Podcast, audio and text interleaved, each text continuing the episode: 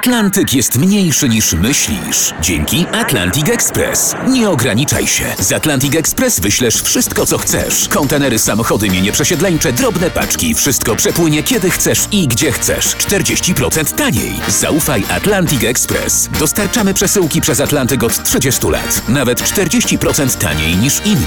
Dzwoń 1 800 775 73 63. Ekspresowo przez Atlantyk. Tylko z Atlantic Express. Stanisława Janickiego.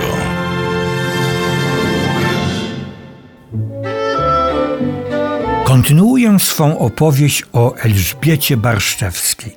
Miłośnicy dawnego polskiego kina łączą nazwisko Elżbiety Barszczewskiej przede wszystkim z arcyprzebojem, czy jak to woli, arcymelodramatem, czy wręcz arcykiczem, Trendowata, w którym to filmie grała ona rolę tytułową Stefci Rudeckiej, w której na jej nieszczęście zakochał się ordynat Waldemar hrabia Michorowski.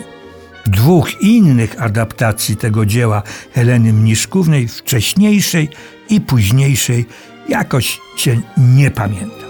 Śmiem twierdzić, właśnie z powodu Elżbiety Barszczewskiej, która potrafiła uwiarygodnić tę, jakby na to nie patrzeć, dosyć szablonową postać. Jak to zrobiła?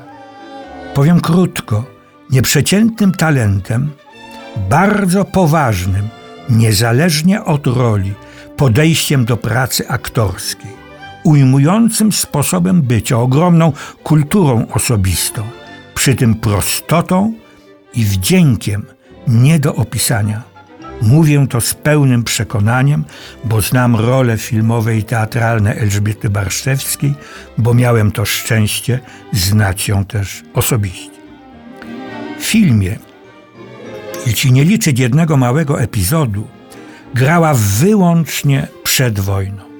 Za to rolę, innymi w kultowym Znachorze i profesorze Wilczurze, w Granicy czy w Kłamstwie Krystyny. Wydawać by się mogło, że aktorka tak wielkiej klasy jak Elżbieta Barsztewska traktowała film po macoszemu, że służył jej jak wielu innym jedynie dla budowania popularności i, co tu ukrywać, korzyści materialnych z tego faktu płynących. Nic bardziej fałszywego. Oto, co mówiła po latach, kiedy z nią rozmawiałem o swej roli w trendowatej. Praca w trendowatej była dla mnie ogromnym przeżyciem. Pierwszy raz zobaczyłam siebie na ekranie w głównej roli. Patrzyłam na siebie, jakbym to nie była ja. Praca w filmie pomogła mi w korygowaniu swojej gry, także w teatrze. A jak mówiła o bohaterkach filmu Dziewczęta z Nowolipek, adaptacji głośnej i czytanej kiedyś powszechnie powieści Poli Gojawiczyńskiej.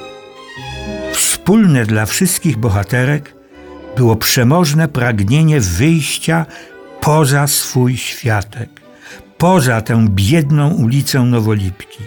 Chciały zobaczyć coś więcej, dojść w życiu do czegoś piękniejszego, przeżyć więcej niż los im pozwolił, skazując na wegetację, w tych brudnych uliczkach. Elżbieta Barszczewska pracowała bardzo często, talenty, podobne widzenie świata oraz rozumienie sztuki się przyciągają, więc pracowała bardzo często z Józefem Lejtesem, naszym najlepszym reżyserem filmowym przed wojną. Jak wspominała tę współpracę przy realizacji Granicy według powieści Zofii Naukowskiej. Zanim Leites rozpoczynał zdjęcia, odbywało się wiele roboczych dyskusji.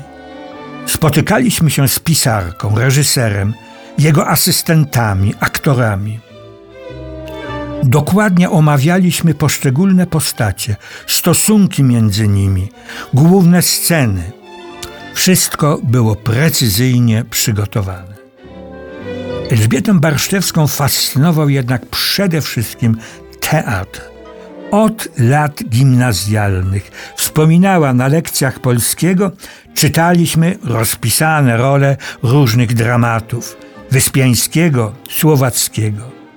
To zbliżyło mnie do zrozumienia, czym jest postać w dramacie. W 1934 roku Elżbieta Barszczewska ukończyła kierowany przez znakomitego aktora i pedagoga Aleksandra Zelwerowicza Państwowy Instytut Sztuki Teatralnej w Warszawie. Debiutowała Heleną w Śnie Nocy Letniej, a potem jedna kreacja następowała po drugiej. Grała w Dziadach, Horsztyńskim, sztukach Giraudoux i tak dalej, i tak. W czasie wojny Pracowała jako kelnerka w sławnej kawiarni u aktorek. Cytuję: Przychodziła tam nasza dawna publiczność. Teraz mogła nas obejrzeć z bliska, w innej sytuacji, w innej roli. Poza tym brała Elżbieta Barszczewska czynny udział w konspiracyjnej pracy teatralnej, na przykład w spektaklach dla młodzieży, które odbywały się w prywatnych mieszkaniach. A okres tuż powojenny tak wspominała. Na pozór Warszawa była wymarła, ale już na pierwszym przedstawieniu zjawiły się tłumy. To rozpoczęcie normalnej, choć w nienormalnej sytuacji pracy na scenie było dla mnie bodaj najważniejszym momentem w życiu, największym przeżyciem. Zmarła w 1987 roku, miała zaledwie 64 lat. Niestety, nie możemy obejrzeć jej wspaniałych kreacji teatralnych, które tak ceniła ale pozostały jej role w najgłośniejszych przedwojennych filmach. Przypomnę: Trendowata, Znachor, Dziewczęta z Nowolipek, Granica, Kłamstwo Krystyny i inni. Polecam i zapraszam do Odeonu.